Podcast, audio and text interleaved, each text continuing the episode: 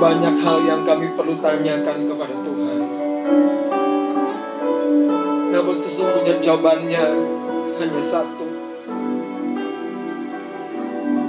Supaya kami percaya. Ketika hati kami Tuhan diterpa banyak pertanyaan. Kami akan melewati waktu-waktu di mana keraguan datang. Kegalauan datang. Angin ribut di kanan dan di kiri kami. Pikiran-pikiran yang membuat kami lemah, membawa kami turun datang. Tetapi ketika kami terus percaya kepadamu, kami terus percaya kepada perkataanmu, sebab engkau yang berfirman dan tidak mungkin berdusta buat kami. Pagi hari ini Tuhan, biarlah setiap kami anak-anakmu kembali menyadari betapa perlunya kami Tuhan senantiasa terhubung dalam kasih karunia, dalam anugerah, dalam naunganmu yang aman. Kami mengucap syukur Roh Kudus bicara dari kedalaman hati Bapa supaya tidak satupun dari kami Tuhan pulang sama. Biarlah kami berubah, berbeda. Kami jadi pribadi-pribadi yang menggenapkan rencanamu atas gereja ini. Di dalam nama Yesus Kristus. Kami mengucap syukur haleluya. Katakan sama-sama amin. Salami kanan kirimu katakan engkau dan saya adalah pribadi yang menggenapi rencana Tuhan di gereja ini. Haleluya. Haleluya.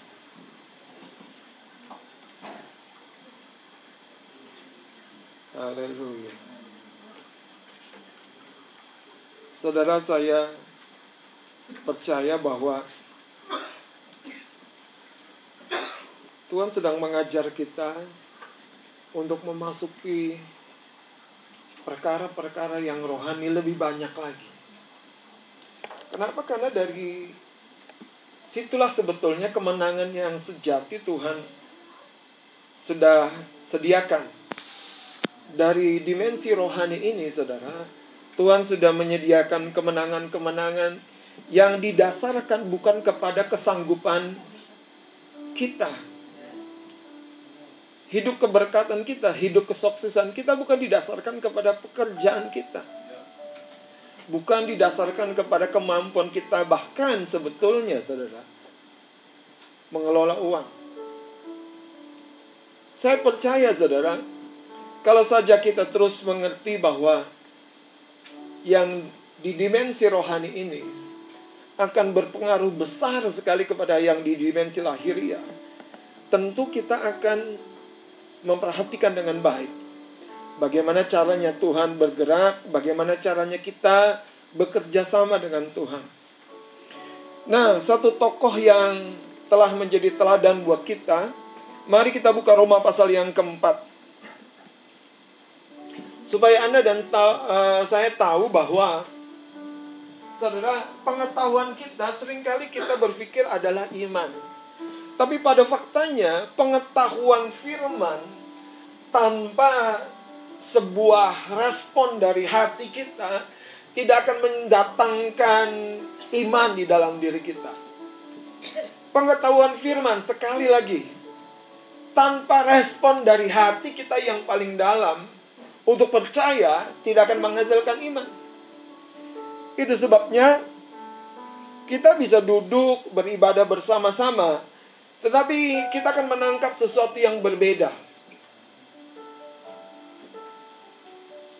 Mari kita lihat saudara seorang yang bernama Abraham. Dari Roma pasal yang keempat.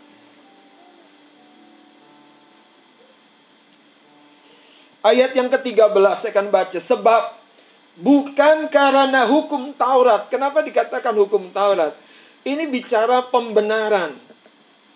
Bukan karena pembenaran oleh hukum Taurat telah diberikan janji kepada Abraham dan keturunannya bahwa ia akan memiliki dunia. Ini sebuah pesan yang besar sekali.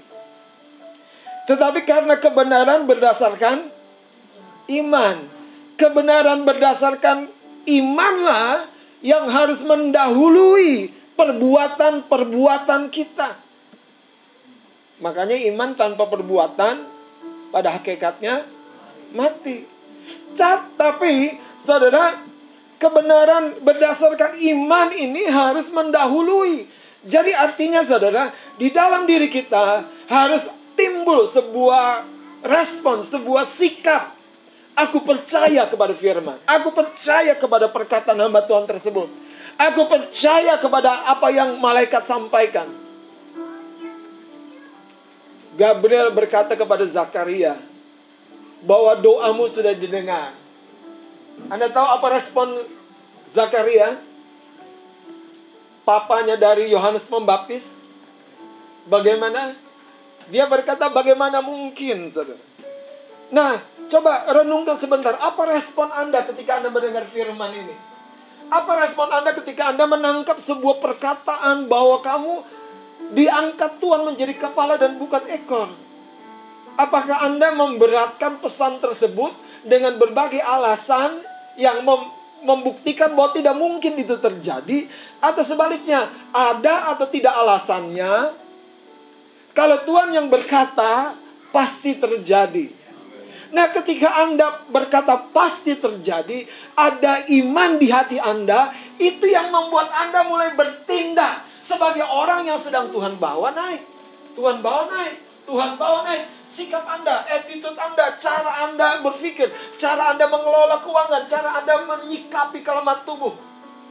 Itu berbeda, saudara. Kenapa? Kita bukan lagi orang yang kehilangan pengharapan. Sebaliknya, kita sedang menuju pengharapan yang ah, pasti tergenapi. Selanjutnya ayat 13-nya ya. Janji kepada Abraham dan keturunannya bahwa ia akan memiliki dunia. Tetapi karena kebenaran berdasarkan iman. Sebab jika mereka yang mengharapkannya dari hukum Taurat menerima bagian yang dijanjikan Allah, maka sia-sialah iman dan batalah janji itu. Karena hukum Taurat membangkitkan murka, tetapi di mana tidak ada hukum Taurat, di situ tidak ada juga pelanggaran. Ayat 16-nya, karena itulah kebenaran berdasarkan iman, supaya merupakan apa? Kasih karunia. Kasih karunia. Kasih karunia yang tidak dikejar datang kepada Anda. Yang tidak Anda cari, Anda temukan. Itu kasih karunia banget. yang tidak ada impi-impikan tiba-tiba terjadi. Tapi itu dimulai dari hati yang percaya. Sehingga janji itu berlaku ayat 16b-nya sehingga janji itu berlaku bagi semua keturunan Abraham, semua keturunan Abraham. Salami kanan kirinya, kasih tahu engkau dan saya keturunan Abraham.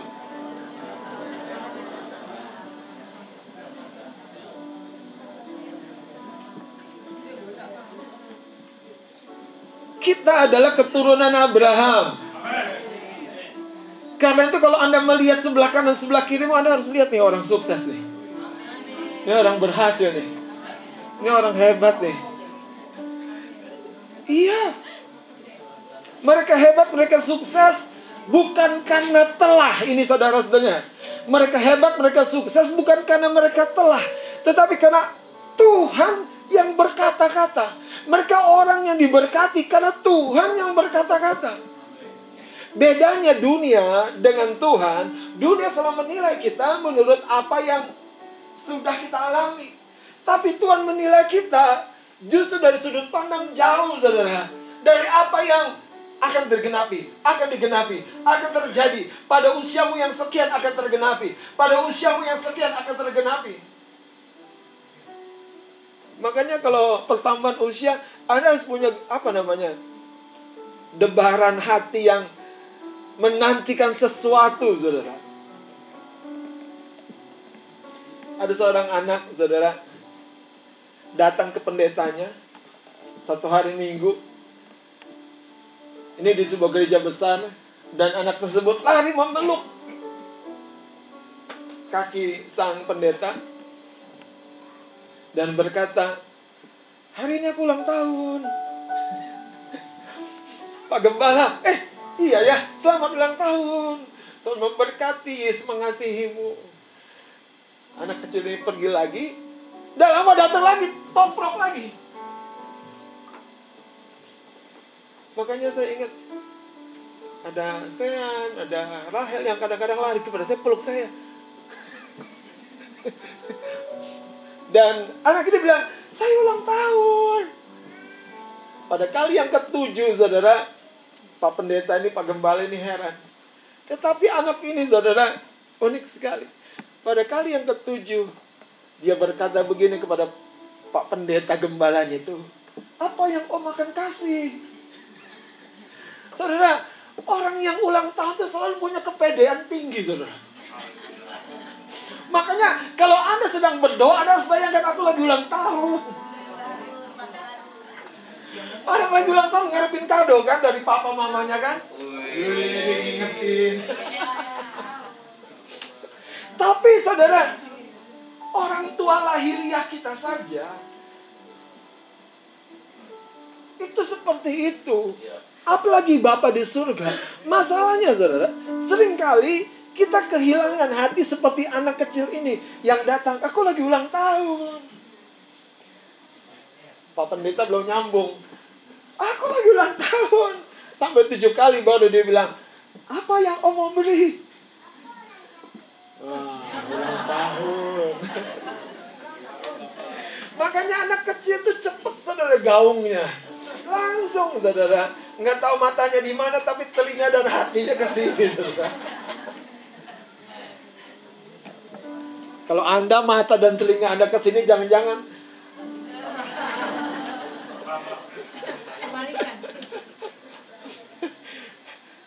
Kalau sih kalau mata dan telinganya nggak tahu ke mana tapi hatinya nyambung terus. Saudara, Tuhan itu luar biasa. Dan kita harus tahu cara-cara Tuhan mengizinkan dia membentuk mengajar kita.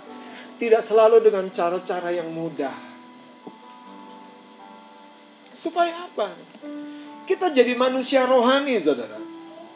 Yang tidak bersandar kepada perkara-perkara lahiriah, tapi bersandar kepada firman, kepada kebenaran. Katakan amin. Coba ayat 16 ini baca sama-sama. Dua, tiga. Karena itulah kebenaran berdasarkan iman. Supaya merupakan kasih karunia. Sehingga janji itu berlaku bagi semua keturunan Abraham. Bukan hanya bagi mereka yang hidup dari hukum Taurat. Tetapi juga bagi mereka yang hidup dari iman Abraham Sebab Abraham adalah bapa kita semua. Hidup dari iman Abraham.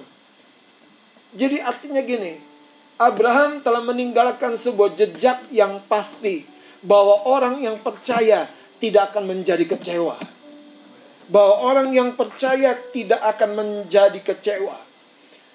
Ini baru baru tahap pertama, Saudara. Tuhan ingin kita, Anda dan saya hidup dalam sebuah dimensi iman, itulah dimensi rohani.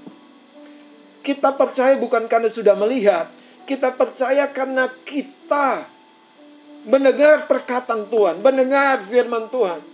Kita percaya karena sesuatu yang tidak kita lihat secara mata lahiriah, tapi kepercayaan kita menyatakan itu sesuatu yang ada, sesuatu yang sudah tersedia. Kepercayaan kita menyatakan itu sudah ada, itu sudah tersedia.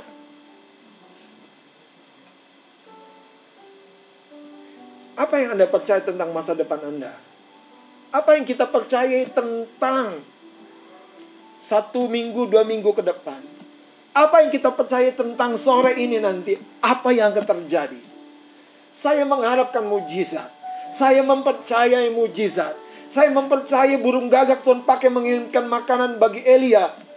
Tuhan pakai orang-orang yang tidak saya kenal untuk memberkati saya. Ketika kita percaya, berkat itu datang saudara. Dari jalan-jalan yang tidak terduga. Bahkan janda miskin saja saudara. Tuhan perintahkan untuk memelihara hidup Nabi Tuhan. Tuhan mampu, Tuhan mampu. Bahkan bukan untuk membuat si janda miskin ini kehabisan persediaan. Sebaliknya, untuk membuat mujizat yang belum pernah terfikirkan terjadi di masa krisis yang paling mengerikan di Israel. Tuhan tetap pribadi yang membuat mujizat dalam hidup kita. Itu sebabnya yang pertama, apa pun sikon kita, percaya kepada dia. Harapkan sesuatu berdasarkan iman. Apa pun pendidikan kita, Ya, itu starting pointnya. Tetapi saudara, waktu Anda dan saya memberikan dirimu kepada Tuhan untuk dibimbing, untuk dibawa, kita akan mengalami jauh melampaui apa yang pernah terbayangkan oleh keluarga kita, oleh orang tua kita. Anda akan menjadi sebuah pesan bagi generasi Anda bahwa Tuhan masih ada untuk menyatakan harapan yang seolah-olah tidak mungkin. Tuhan masih ada. Sekarang lihat ayat 17. Seperti ada tertulis, engkau telah kutetapkan menjadi bapa banyak bangsa. Di hadapan Allah yang kepadanya Abraham percaya, yaitu Allah yang menghidupkan orang mati.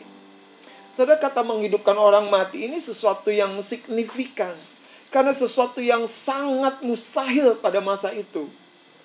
Kalau kita, di tangan kita sudah ada Injil. Sudah ada Alkitab. Tapi zaman Abraham, mana ada contohnya saudara?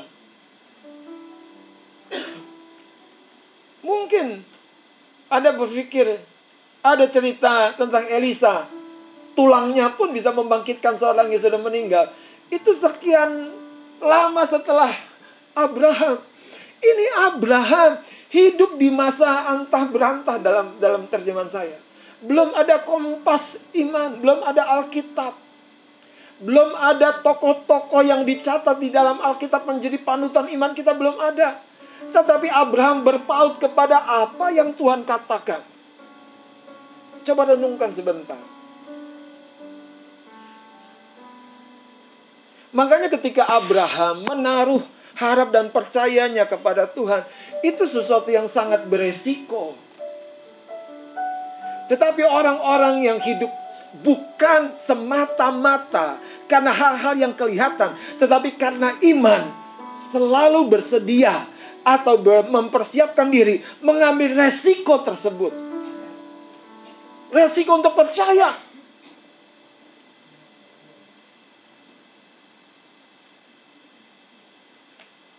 Lihat saudara 17 bagian akhir.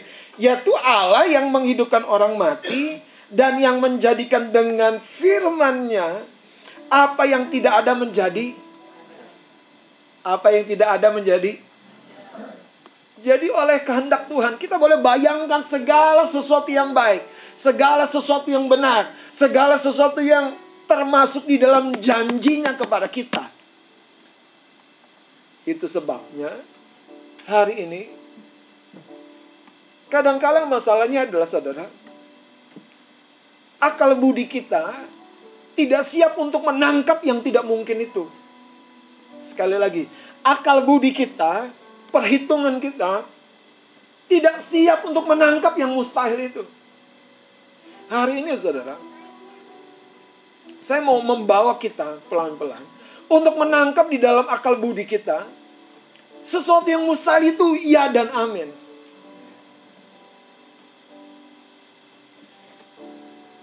Saya mau lanjutkan dengan cepat pada bagian ini nanti kita bergerak lebih jauh lagi. Coba lihat saudara. Firmannya apa yang tidak ada menjadi ada ayat 18. Sebab sekalipun tidak ada dasar untuk apa? Berharap. Namun Abraham berharap juga dan percaya. Berharap kepada siapa? Kepada Allah yang sudah berbicara kepadanya. kepada Tuhan yang sudah memilih dan memanggil Anda. Kepada Tuhan yang sudah memberikan tugasnya, mandatnya kepada kita. Kepada saya, kepada kita. Percaya saudara. Lihat, percaya bahwa ia akan menjadi bapa banyak bangsa. Menurut yang telah apa? Difirmankan. Demikianlah banyakmu, banyaknya nanti keturunanmu. Ayat 19 dan 20 dan 21 kita baca sama-sama. 23 Imannya tidak menjadi lemah walaupun ia mengetahui bahwa tubuhnya sudah sangat lemah karena usianya telah kira-kira 100 tahun dan bahwa rahim Sarah telah tertutup karena terhadap janji Allah Baca sama-sama. Tetapi terhadap janji Allah, ia tidak bimbang karena ketidakpercayaan. Malah ia diperkuat dalam imannya dan ia memuliakan Allah dengan penuh keyakinan bahwa Allah berkuasa untuk melaksanakan apa yang telah ia janjikan. Saudara, inilah yang saya katakan respon iman. Ayat 19 dan 20. Imannya tidak menjadi lemah walaupun ia mengetahui sekali lagi yang di akal budi ini kadang-kadang sukar menangkap. Makanya perbaharui akal budi kita. Perbaharui akal budi kita. Perbaharui. Selalu katakan bagi Tuhan tidak ada yang mustahil. Bagi Tuhan dan bagiku tidak ada yang mustahil. Bagiku yang disertai Tuhan ini akan berhasil.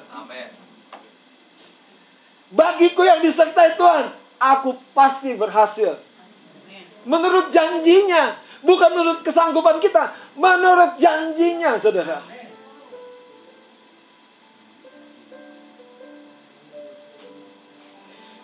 Haleluya. Katakan konsep berpikir.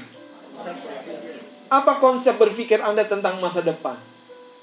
Tentang janji-janji di depan tentang sesuatu yang Anda rindukan terjadi. Apa konsep berpikir kita? Konsep berpikir kita, apakah kita memperhitungkan segala sesuatu menurut keberadaan lahiriah kita? Atau kita memasukkan Tuhan sudah berjanji, Tuhan sudah berjanji, Tuhan sudah bicara, Tuhan sudah berbicara dan kalau dia berbicara tidak mungkin dia menyangkali firman-Nya.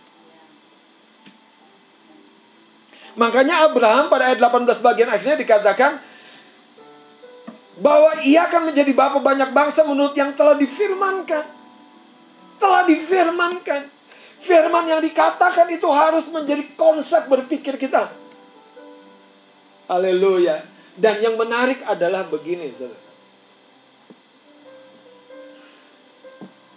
Iman kita inilah, saudara, yang menggerakkan jam di dalam alam roh ini, di dimensi roh ini, yang membuat segala berkat yang sudah Tuhan sediakan itu turun kepada kita. Sebaliknya, saudara.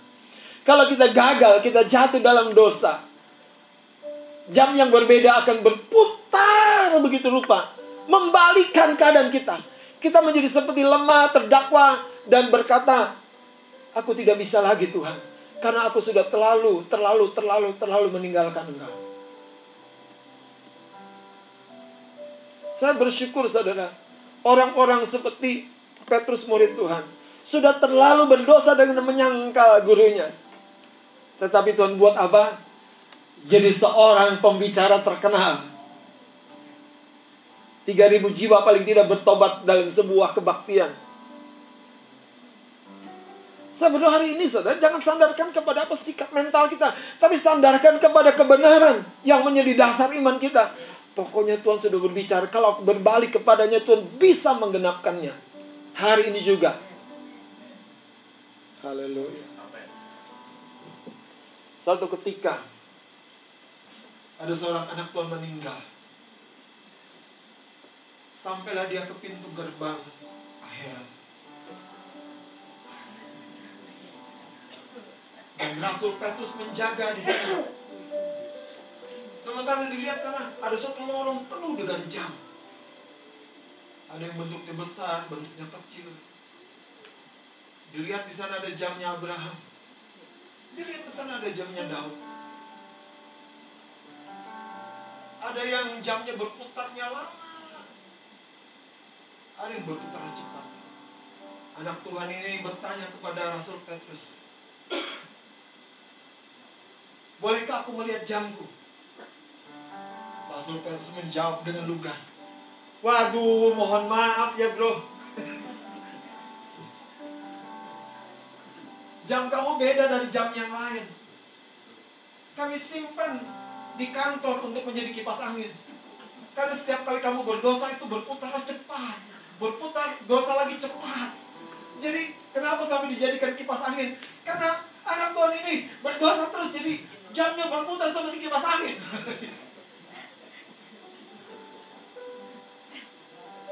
Waktu hidup kita saudara terbatas. Jangan biarkan jam waktu kita habis, habis. Makanya 100 tahun pun Tuhan masih Tuhan yang menggenapkan janjinya. 100 tahun pun Tuhan masih Tuhan yang sama. Dia tidak pernah expired. Kalau Anda beli sesuatu makanan apalagi ada kan tanggal kedaluarsanya. Janji Tuhan tidak pernah kedaluarsa. Katakan amin. Katakan amin. Aminnya sama Tuhan. Makanya jangan kubur mimpimu terlalu dalam. Taruh mimpimu, saudara. Itu di apa namanya? Di, di, di layar utama handphone Anda. Waktu Anda buka. Anda tahu siapa Anda menurut kacamata Tuhan. Waktu Anda buka, wih, ini hidupku. Seperti firman katakan.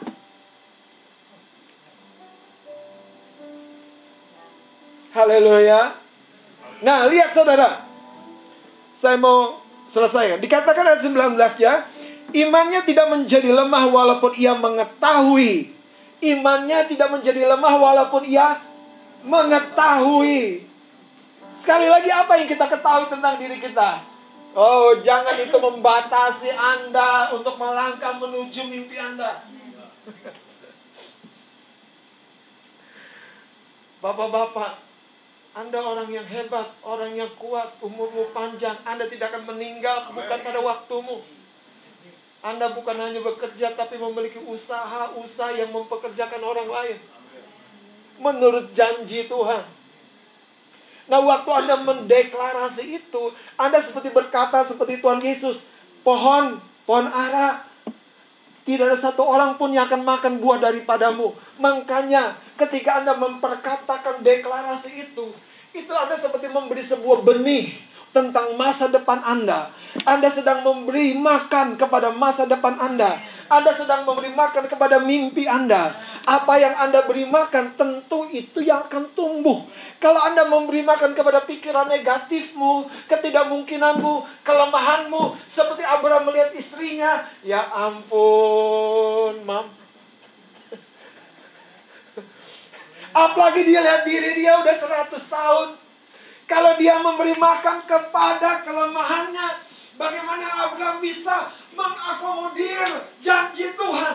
Janji itu tetap janji yang pasti. Bagaimana? Ini semuanya hari ini akal budi kita kita harus perbaharui.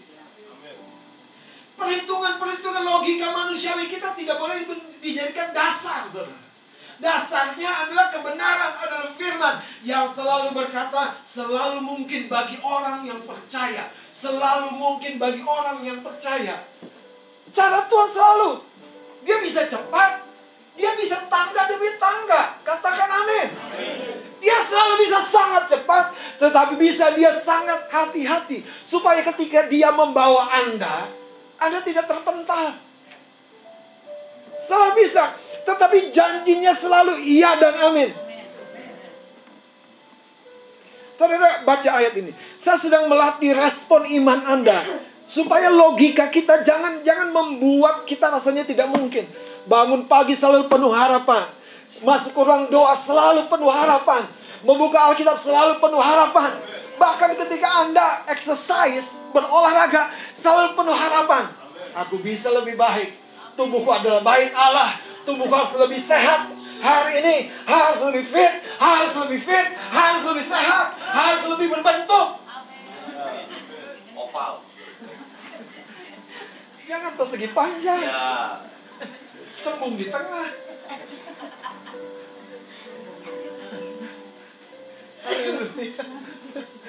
Katakan selalu mungkin. Selalu mungkin. Masalahnya kadang-kadang kita nggak percaya, saudara. Dengerin, kalau Anda percaya, enzim-enzim di tubuh Anda itu akan seperti Abraham. Tumbuh kembali. Yang sudah pudar, tumbuh kembali. Hidup kembali. Betul nggak? Aduh, susah nih. Tapi ini pembicaraan orang dewasa. Saya mau terangkan. Begini, dengerin. Nggak, maaf ya. Saya agak vulgar.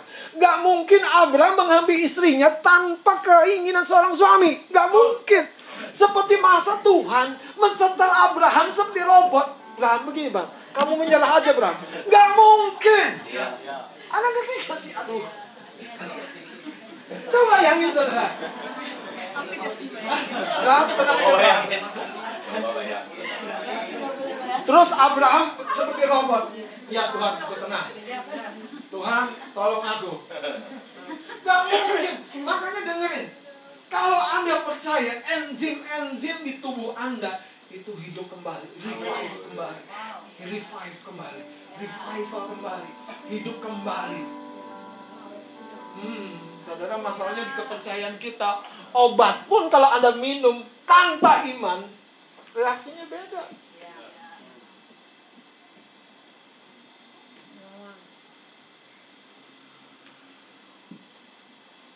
Saya bisa menjadi seperti yang Tuhan katakan. Aku bisa menjadi seperti yang Tuhan rencanakan. Kalau Anda terus perkatakan itu, ingat saudara, pohon ara. Yesus berkata kalau kita berkata kepada gunung ini beranjak dan tercampaklah ke dalam laut, asal kau tidak bimbang, akan terjadi, terjadi bagimu. Makanya kalau doa kita cuma doa di dalam batin susah, saudara. Yang kita sedang pengaruhi bukan Tuhan sebetulnya, kita. Kita. Iman timbul dari pendengaran, pendengaran akan firman. Makanya aku tidak berkata hidupku bahagia dan bertambah bahagia. Hidupku hari ini sudah lengkap, bukan kurang.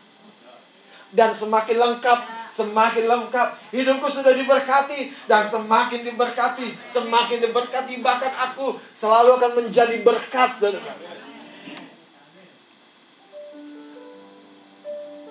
Imannya tidak menjadi lemah walaupun ia mengetahui.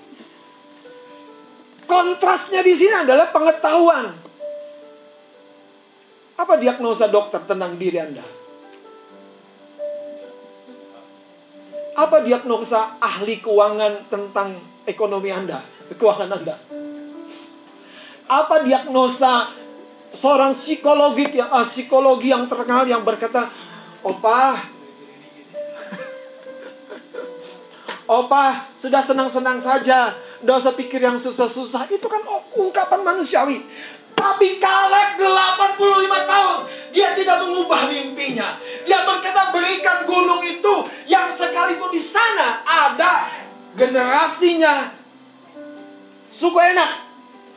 Yang suka ditaklukkan. Saudara Kaleb tidak mengubah destininya. Kaleb tidak mengubah mimpinya. Tidak, dia tidak mendiskon harapannya. Kalau enggak yang gede, yang kecil aja enggak. Kalian enggak begitu. Haleluya. Haleluya. Jangan diskon harapanmu. Haleluya. Kaleb itu 40 tahun dia terima janji. Tetapi setelah lewat 40 tahun berikutnya ditambah 5 tahun, dia usianya 85 tahun. Tapi dia tidak merubah harapannya. Dia tidak merubah mimpinya. Dia tidak mengganti. Makanya gini saudara. Pengetahuan kita tuh jangan gini saudara. Jangan kita tukar.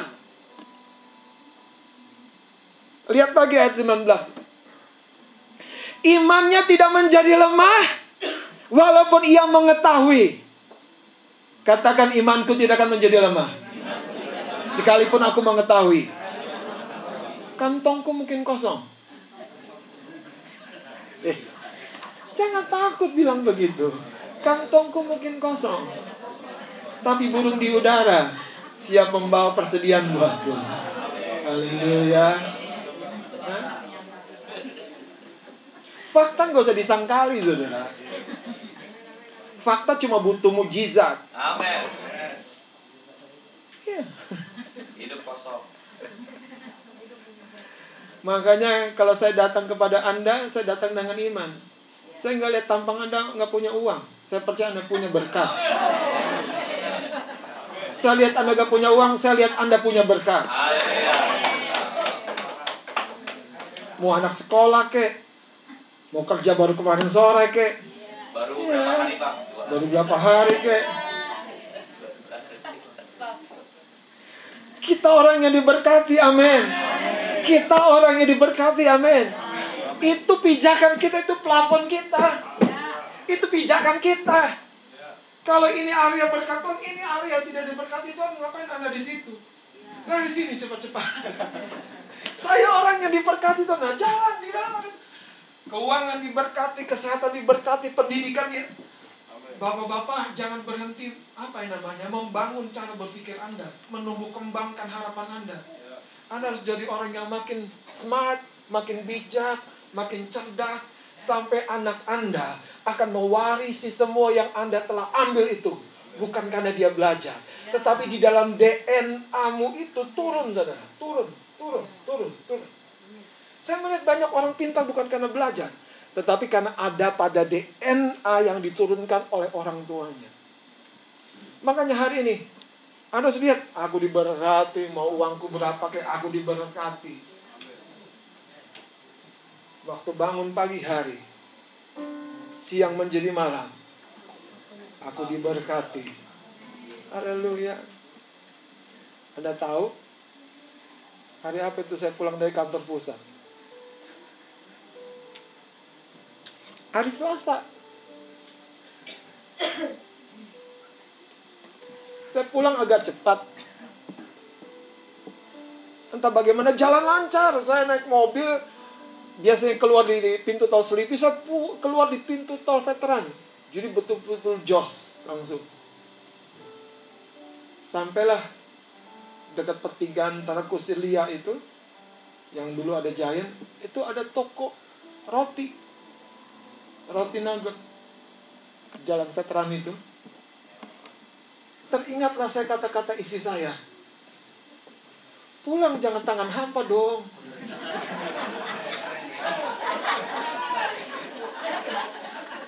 Tapi yang menarik makanya begini saudara. Begini saudara. Bayangin. Entah bagaimana jalan betul-betul kosong. Jadi saya tidak ada halangan untuk. Saya kan ke arah Tanah Kusir. Itu toko roti itu sebelah kanan. Jadi harus nyeberangin jalan. Kosong dari depan. Jadi gak ada alasan. Saya belok aja masuk. Bapak dengar, bawa oleh-oleh. Dengan percaya dirinya saya hampiri kasirnya outletnya. Pak pesan apa pak? Tadinya cuma pesan roti sebelah, dua belah. Jadi satu ada variasinya kanan kiri. Saya lihat lagi di situ ada minuman enak, saya pesan dua. Saya ingat ada dua orang di rumah. Saya pesan dua. Jadi lengkap lah sudah. Yang terakhir saudara, saya cabut job dompet, gak ada uangnya. Saya bawa 200 ribu berapa pagi-pagi udah beli bensin 200 ribu. Jadi saya mau bayar. Waduh, haleluya.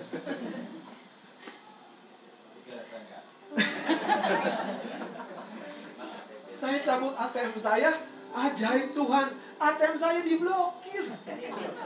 Pakai M banking bisa, tapi pakai di Swift gitu pijit pin nggak bisa, nggak tahu kenapa. Pertanyaannya adalah bagaimana reaksi kita? Ya udah. Itu, itu itu itu sudah pilihan paling paling terakhir. Yang pertama saya cari dong di tas. Saya cari di selipan. Ajaib Tuhan. Habis semua. Nggak ada amplop tersisa sama sekali. Sama sekali. Di selipan nggak ada sama sekali. Haleluya Jadi terakhir saya cari nggak ada, Di laci mobil nggak ada. Saya punya pertolongan. Namanya Pak Dejumadi. saya telepon. Pak, saya butuh bantuan. Enggak. Janda lagi ini.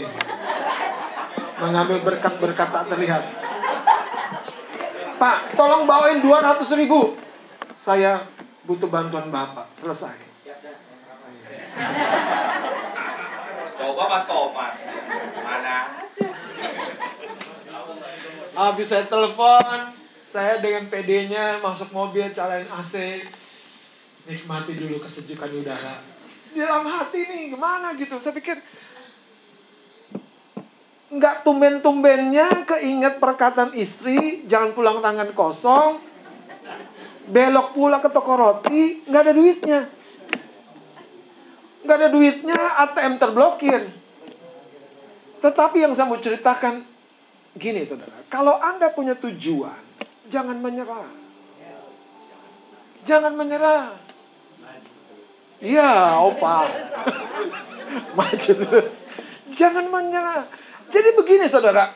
Waktu saya renungkan, pertanyaan gini. Tuhan apakah aku salah nih belok? Tuhan mau bilang begini. Nah, belajarlah. Tidak selalu mulus jalan kepada tujuanmu. Tetapi kau harus punya keyakinan untuk mencapainya. Dengerin. Banyak kita tuh kadang-kadang ya terlalu cepat menyerah. Saya udah terpikir tuh mau pinjam sama tukang parkir, mau kasih KTP. Udah terpikir, saudara. Udah terpikir. Tapi kira-kira tampang keren begini kan nggak layak kan?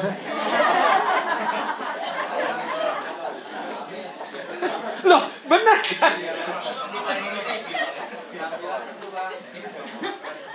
Bayangin kalau pakai batik begini kan kasih KTP. Gimana gitu mereka lihat. Ya Tuhan.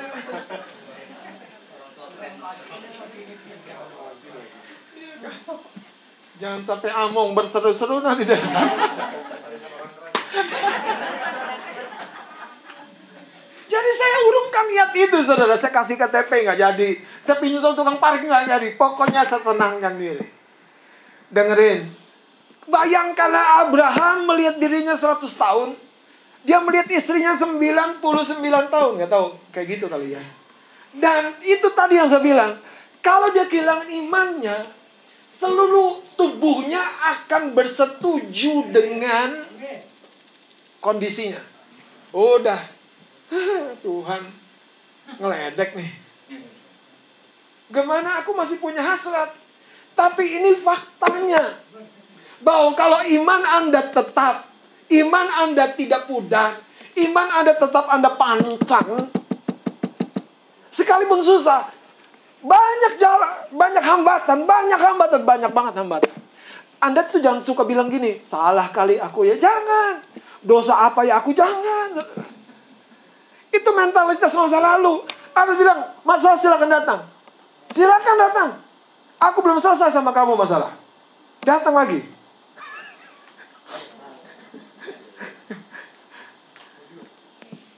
Yang saya maksudkan adalah begini, saudara.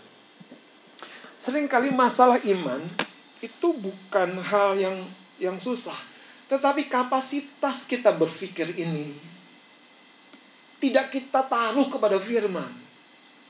Kita taruh kepada penilaian-penilaian kepada situasi kantong kita, gaji kita, apa kita, dukungan kita, fisik kita. Tapi kalau kita taruh kepada firman, mujizat siap sedia terjadi. Katakan amin. Ayat 20. Tetapi terhadap janji Allah ia tidak bimbang karena ketidakpercayaan. Malah apa? Malah apa? Ia diperkuat dalam imannya, diperkuat dalam imannya, diperkuat dalam imannya. Dan ia memuliakan Allah. Saudara, bagaimana Anda memperkuat iman Anda? Ini prinsip yang sederhana sekali. Mari kita buka Matius pasal yang keempat. Ayat yang keempat. Satu saja saya mau bagikan sebagai penutup. Bagaimana kita mewarisi janji Abraham. Dan bukan hanya mimpi mengalami semua kebaikan itu. Tapi menjadi nyata dalam hidup kita. Lihat ayat yang keempat. Matius pasal yang keempat, ayat yang keempat. Tetapi Yesus menjawab, ada tertulis, manusia hidup bukan dari roti saja, tetapi dari setiap firman yang keluar dari mulut Allah. Manusia hidup bukan dari roti saja.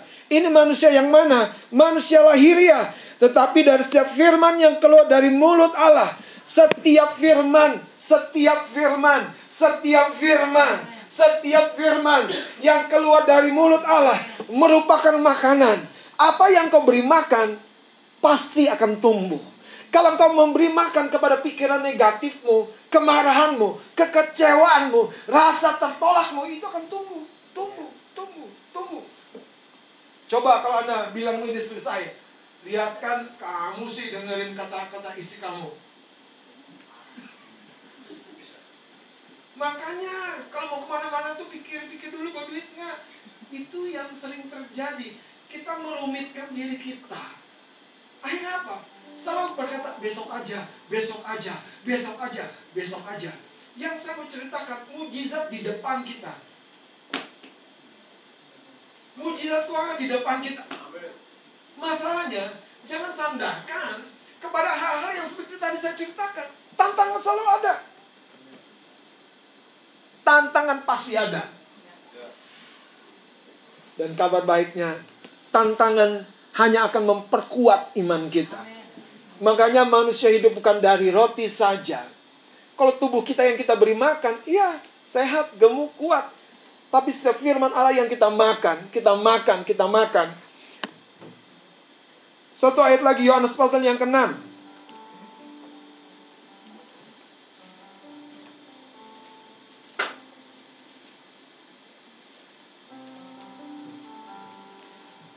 Kita bangkit berdiri. Yohanes pasal yang ke-6 ayat 63 kita baca sama-sama.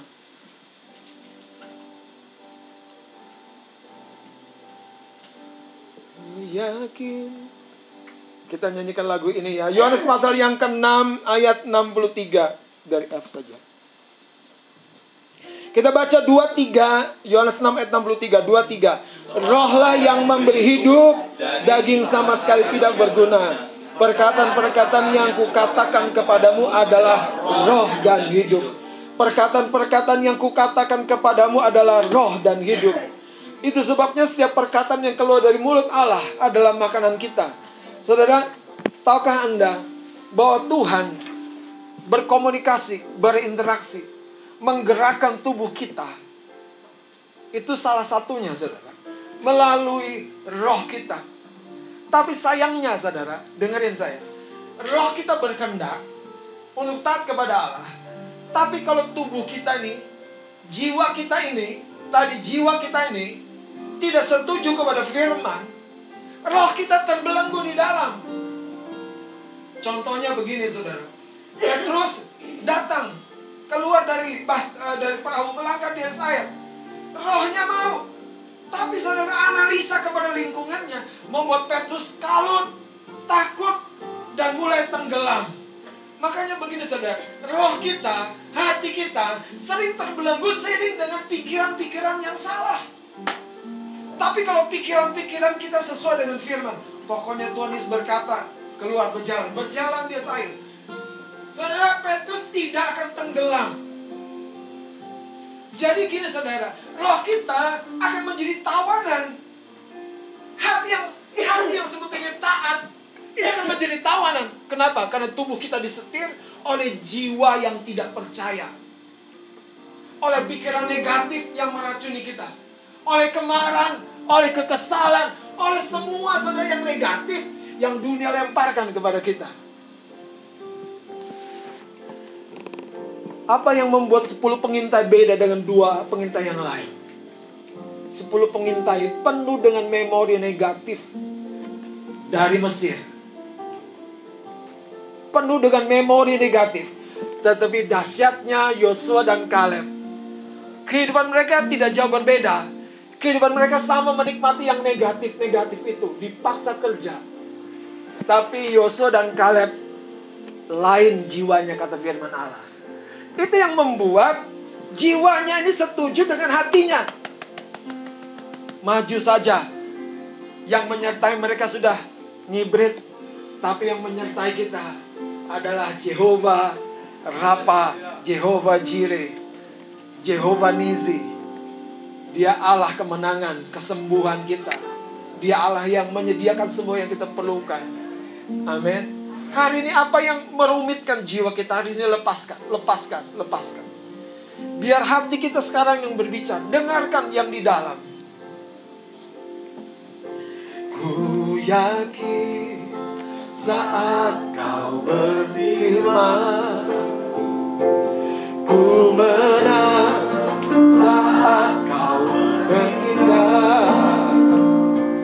Hidupku hanya ditentukan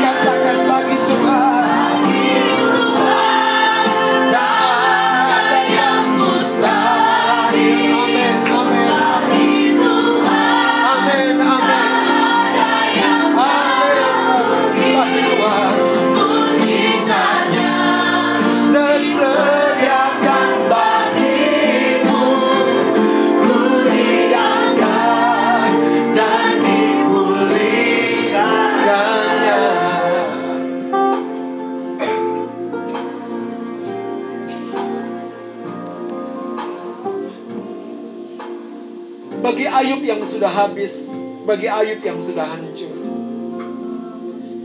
Apa dasar hatinya untuk percaya kepada Allah?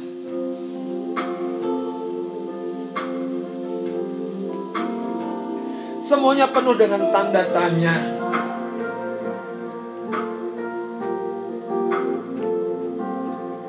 Bagi Abraham yang sudah 100 tahun Dan usia Sarah sudah begitu lanjut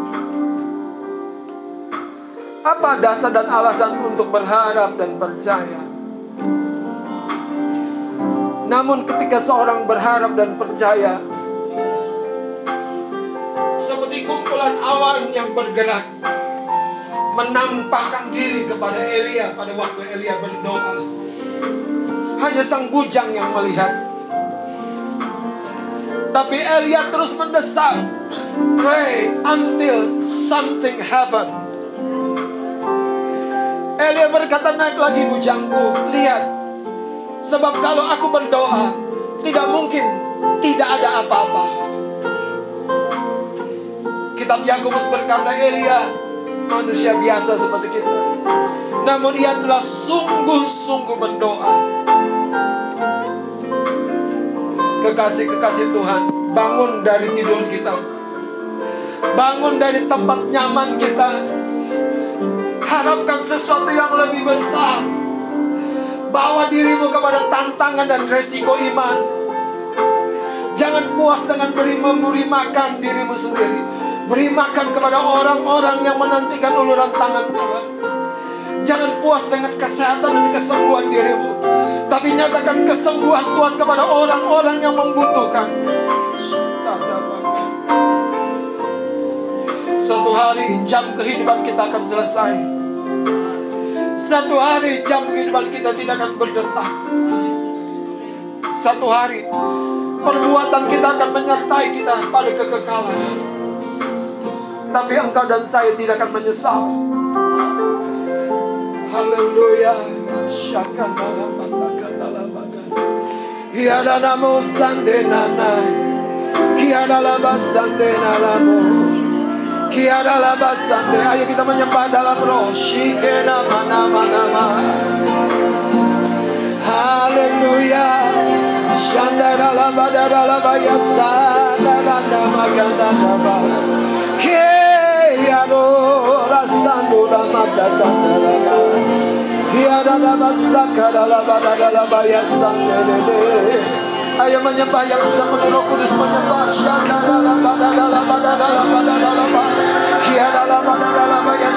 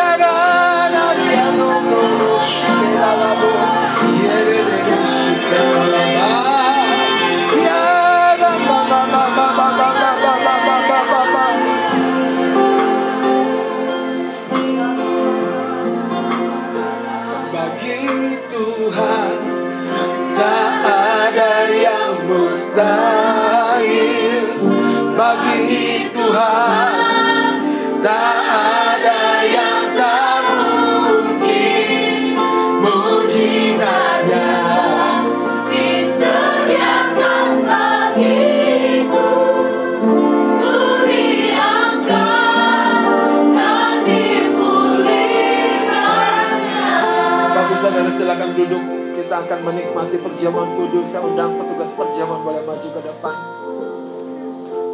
Kita akan menerima tubuh dan darah Tuhan kita Yesus Kristus.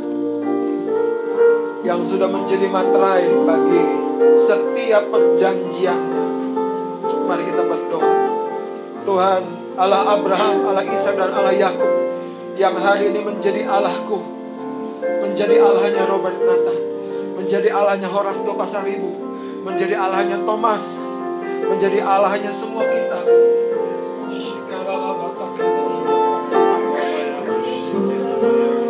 Dia Allahmu, dia Allahmu, dia Allahmu, dia Tuhan. Engkau bukan hanya mendengar doa kami hari ini, Engkau juga sudah dan sedang terus bertindak. Ketika umat menerima tubuh dan darah Yesus, kiranya keajaiban terjadi pada salah satu tubuh mereka yang rapuh. Terjadi keajaiban, pemulihan kesembuhan, pemulihan kesembuhan. Aku berkatakan pemulihan kesembuhan. Bahkan setiap orang tua yang memakan, meminum tubuh dan darahmu, kesembuhan berkat itu, blessing itu mengalir juga kepada setiap putra dan putri mereka, kepada anggota keluarga mereka. Dalam nama Yesus. Kekuatan dosa tidak berdaya sama sekali. Telah dipatahkan. Kami akan terima tubuh dan darah Yesus di dalam nama Yesus. Silakan bagikan. Tuhan memberkati.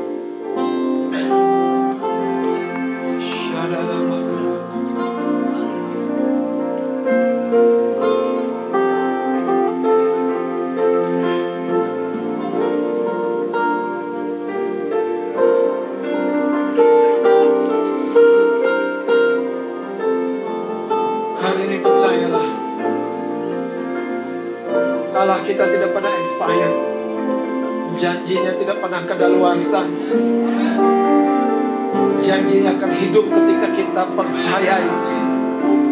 Namanya berkuasa ketika kita percayai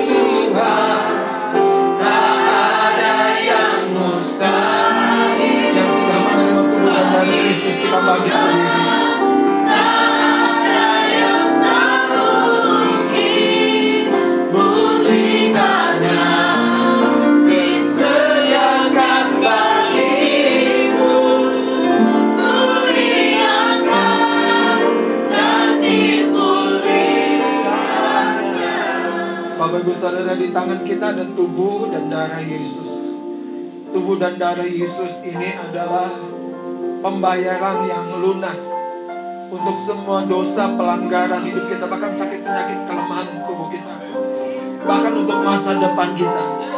Jadi masa depan kita sudah dijamin sudah dibayar. Hari ini berlarilah dalam janji Tuhan. Pagi itu Petrus yang baru pertama kali berjumpa dengan Yesus di pinggir danau Galilea pulang membawa perahunya yang kosong Yesus meminjam perahu itu. Yesus meminjam sebagai tempat dia berdiri dan mulai memberitakan firman Tuhan kepada orang banyak di pinggir pantai itu. Sesudah dia melayani orang banyak memberitakan firman, dia berkata kepada Petrus, Petrus, dorong ke tempat yang lebih dalam. Tebarkan jalamu di sebelah kanan. Hari itu telah siang, saudara. Bukan waktunya melaut. Bagi Tuhan tidak ada musim. Di sini mungkin musimnya berbeda dengan di negara yang berbeda. Di Tokyo, di New Zealand, di Afrika, di mana saudara? Di Moskow berbeda. Tuhan tidak terbatasi oleh musim-musim dalam benak pikiran kita. Siang itu, setelah Yesus memberitakan firman, Yesus bilang Petrus dorong, tebarkan jala maka kamu akan tangkap begitu besar. Petrus akal budinya sudah tersetting. Ini yang makin saya bilang, akal budinya sudah tersetting. Mana ada ikan siang hari gini. Pikirannya sudah tersetting sebagai nelayan normal. Tetapi hari itu Tuhan sedang membuktikan kalau dia berbicara, sesuatu bergerak, sesuatu bekerja, sesuatu terjadi. Mungkin kau belum melihatnya, tetapi percaya saja percaya saja. Mungkin kau belum melihatnya, tapi percaya dan bertindak saja. Akhirnya Petrus berkata begini, Guru, karena engkau yang mengatakannya, aku akan tebarkan juga. Hatinya belum sepenuhnya percaya. Tapi Petrus menebarkan jalannya. Dan ketika dia menebarkan jala yang sudah semalam-malaman tidak mendapat hasil. Berapa tahun Anda mengharapkan sebuah penggenapan janji Tuhan? Berapa tahun kita memimpikan sesuatu yang baik. Seperti jalan Petrus yang kosong. Tapi hari ini, kalau kita mendengar firman Allah dan kita tebarkan jalan juga, pasti ada bagian kita, ada bagian Tuhan. Pasti ada bagian Abraham, bagian Sarah, ada bagian Allahnya. Ini sebabnya Petrus menebarkan jalan. Dan ketika dia tarik jala itu, jala itu hampir koyak. Karena terlalu banyaknya ikan. Saya percaya Ikan itu, ikan itu, ikan itu di bawah kontrolnya Tuhan. Yang menjadikan darat, laut dan udara yang memenuhkan laut, udara di dalam kontrolnya Tuhan. Itu sebabnya Yesus sebagai putra Allah, dia berkata, jadikan Bapa, wujudkan Bapa, supaya Petrus mengalami yang tidak pernah dia bayangkan siang hari menangkap ikan dan memperoleh hasil yang besar. Mungkin 22 tahun seolah-olah terlambat bagi engkau dan saya. Tetapi 22 tahun kiranya menjadi kesempatan di mana kita berjumpa dengan Yesus. Yang mengubah perjalanan berikutnya. Percaya di dalam namanya. Mari angkat tubuh Kristus di tangan kita. Syakatala bakuru Keda bahara katana. Kiara nano mashika de de kiana la makare Rakasike de kiana makata. Dengan tangan yang terangkat, dengarkan perkataan dan firman Tuhan. Pada malam waktu terakhir dia diserahkan mengambil roti, mengangkat tinggi roti, lalu memecah-pecahkannya dan berkata, inilah tubuhku yang diserahkan bagi kamu. Perbuatlah setiap kali kamu memakannya untuk menjadi peringatan akan aku. Tubuhmu adalah tubuh yang mengangkut semua dosa, pelanggaran, kutuk. Semua perbuatan setan telah kau tanggung di tubuhmu. Dengan percaya kepada tubuhmu hari ini kami mengaminkannya. Jadilah padaku. Jadilah padaku. Jadilah padaku firman. Sembuhlah, sembuhlah, sembuhlah, sembuhlah. Pulihlah, pulihlah, pulihlah. Diberkatilah, diberkatilah, diberkati. Engkau menjadi orang yang selalu beruntung, selalu berhasil. Musuh akan datang bersatu jalan. Mereka akan lari dengan berserak sepuluh jalan, seratus jalan. Di dalam nama Yesus. Mari kita makan bersama tubuh Kristus dengan percaya. Dalam nama Yesus.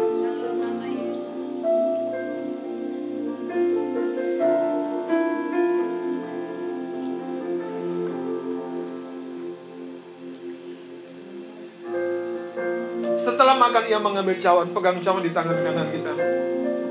Angkat tinggi, menghormati dia. Lalu berkata cawan ini adalah perjanjian baru. Ada lembaran baru. Ada cerita baru tentang hidupmu. Ada musim yang baru.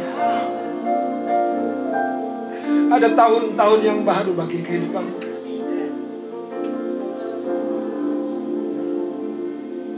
Perjanjian baru yang dimateraikan oleh darahku. Buatlah setiap kali kamu minumnya menjadi peringatan akan aku. Yesus, kami mengingat Engkau. Kami mengingat Engkau. Kami mengingat Engkau. Yesus, kami mengingat belas kasihanmu bagi jiwa-jiwa. Sepatutnya kami berbelas kasihan. Yesus, kami mengingat pengorbananmu, perjuanganmu, upayamu, ragamu, tubuhmu, kasihmu kepada Petrus, peluk hangatmu kepada anak-anak. Tatap matamu penuh belas kasihan kepada orang muda yang kaya. Yesus kami mengingatmu betapa kau mengasihani, mengasihani perempuan yang dilempar oleh orang-orang Farisi karena kedapatan berzina. Yesus engkau penuh belas kasihan kepada Lewi pemungut cukai. Engkau memanggil mereka. Bahkan kau mengasihi Yudas. Hari ini jadilah padaku. Katakan jadilah padaku seperti firmanmu. Tidak ada penghalang mampu menahanku untuk maju, untuk mengalami penggenapan dari setiap rencana dan janji Tuhan bagiku. Di dalam nama Yesus mari minum bersama.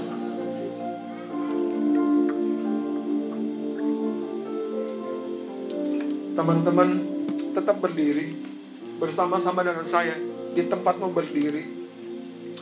Confess, akui sesuatu. Deklarasikan perkataan-perkataanmu. Jalan-jalanku, jalan-jalan yang diluruskan Tuhan. Aku akan menemukan pertolongan dalam setiap upayaku mencapai tujuanku. Hidupku akan naik, naik, naik. Ayo perkatakan apa yang dalam mimpimu, apa yang dalam imajinasimu, apa yang dalam harapanmu, apa yang dalam cita-citamu, perkatakan, perkatakan. Beri makan kepada mimpi-mimpimu, beri makan melalui perkataanmu, beri makan kepada masa depanmu. Di dalam nama Yesus, tidak ada lagi yang tidak mungkin bagiku yang percaya kepada janjinya. Sebab yang tidak mungkin bagiku telah Yesus lakukan yang tidak mungkin bagiku untuk taat telah Yesus lakukan bagiku. Di dalamnya aku bisa taat. Di dalamnya aku bisa pulih. Di dalamnya aku menerima semua kemenangan. Rantai setan telah dipatahkan. Ikatan-ikatan dosa telah dipatahkan. Belenggu-belenggu setan telah dipatahkan. Hari ini aku berjalan, aku berdiri atas dasar firman, atas dasar janji Tuhan pekerjaan yang ku kerjakan adalah pekerjaan yang akan sangat diberkati. Pekerjaan yang ku kerjakan akan menjadi pekerjaan yang sangat diberkati. Dan sana pintu-pintu berkat terbuka, terbuka, terbuka. Aku akan menerima janji-janji Tuhan. Rumah bagiku, rumah bagi keluargaku. Kendaraan-kendaraan bagi keluargaku. Bahkan usaha-usaha yang kau akan buka. Aku akan terima dalam anugerah. Tuhan memberikan kesanggupan kepadaku untuk mengelola. Tuhan memberikan kemampuan kepadaku untuk merintisnya. Tuhan menopangku. Tuhan memampukanku. Tuhan menyanggupkanku. Tuhan memukul musuh-musuh di hadapanku. Di dalam nama Yesus. Di dalam nama Yesus. Di dalam nama Yesus. Di dalam nama Yesus, oleh kasih dan anugerah, aku akan mencapai mimpi-mimpi keluargaku. Aku akan punya rumah sendiri. Aku akan diberkati supaya kau menjadi berkat. Aku akan sangat diberkati untuk menyaksikan kemurahan Tuhan, kebaikan Tuhan, kasih sayang Tuhan. Aku akan sembuh, aku sudah dibayar. Kesehatan sudah dilunaskan oleh darah Yesus. Sudah dilunaskan, sudah dibayarkan. Hari ini oleh kuasa darah dan tubuh Kristus yang telah kumakan Aku tolak setiap sakit penyakit. Aku tolak setiap jalan buntu. Aku singkirkan setiap penghalang-penghalang setan. Setiap roh-roh kemalasan, roh kebuntuan. Aku tolak dalam nama Yesus. Kehidupan yang sia-sia aku lepaskan, aku tanggalkan dalam nama Yesus. Berjalan, aku berjalan, berjalan, aku berjalan dari kemuliaan kepada kemuliaan, dari terang kepada terang, dari inspirasi kepada inspirasi. Tidak ada yang memblokir jalanku lagi. Kalaupun ada malaikat akan berjalan di depanku, membuka pintu yang tertutup, terbukalah di dalam nama Yesus. Tuhan mendatangkan orang-orang yang membawa peluang-peluang bagiku di dalam nama Yesus. Aku akan terbuka jalanku, bisnisku akan makin naik, usaha pekerjaanku akan meningkat, peluang-peluang baru akan datang. Hidupku, masa depanku bukan berdasar kepada pengalamanku. Hidupku, masa depanku, keuanganku bukan berdasar kepada pengalamanku, tapi Allah yang pemurah, Bapakku, Rajaku yang memberkati setiap hariku. Uh, haleluya, haleluya, haleluya, haleluya, haleluya, haleluya. Di dalam nama Yesus, di dalam nama Yesus.